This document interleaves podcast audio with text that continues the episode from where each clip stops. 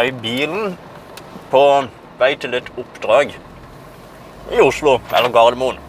Og det blir gøy Jeg holder foredrag om sosiale medier og markedsføring i, i sosiale medier. Hvis du hører at jeg tygger nå, så er det fordi at jeg har gifler. Det er fast invitar i bilen når jeg er på roadtrip. Det er å ha noen gifler liggende som jeg kan knaske på, eller knaske og knaske, men spise på, tygge på underveis.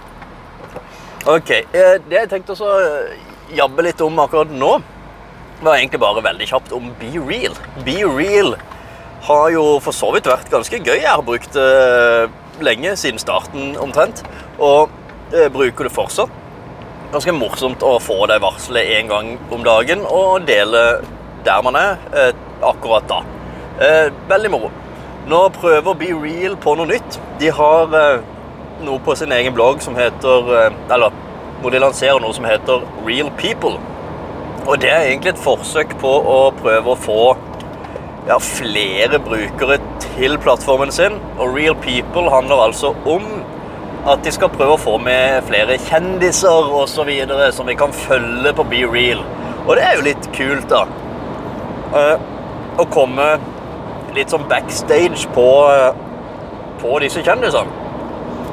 Men den eneste utfordringa jeg kan tenke meg, det er jo kanskje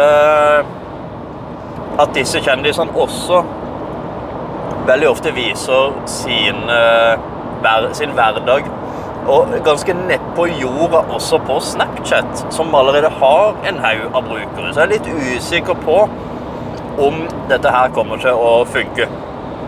Ettersom vi allerede kommer backstage hos en del av disse kjendisene. Mange deler jo også sine hverdager på Instagram Reels og på Instagram Stories.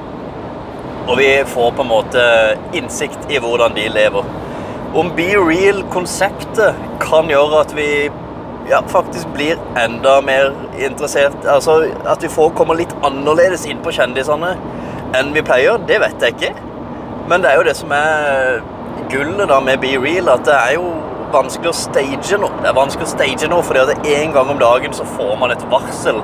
Og akkurat da så har du egentlig to minutter vel på å dele bildet fremover og bakover. Altså hvor, hva du ser, og bilder av deg sjøl.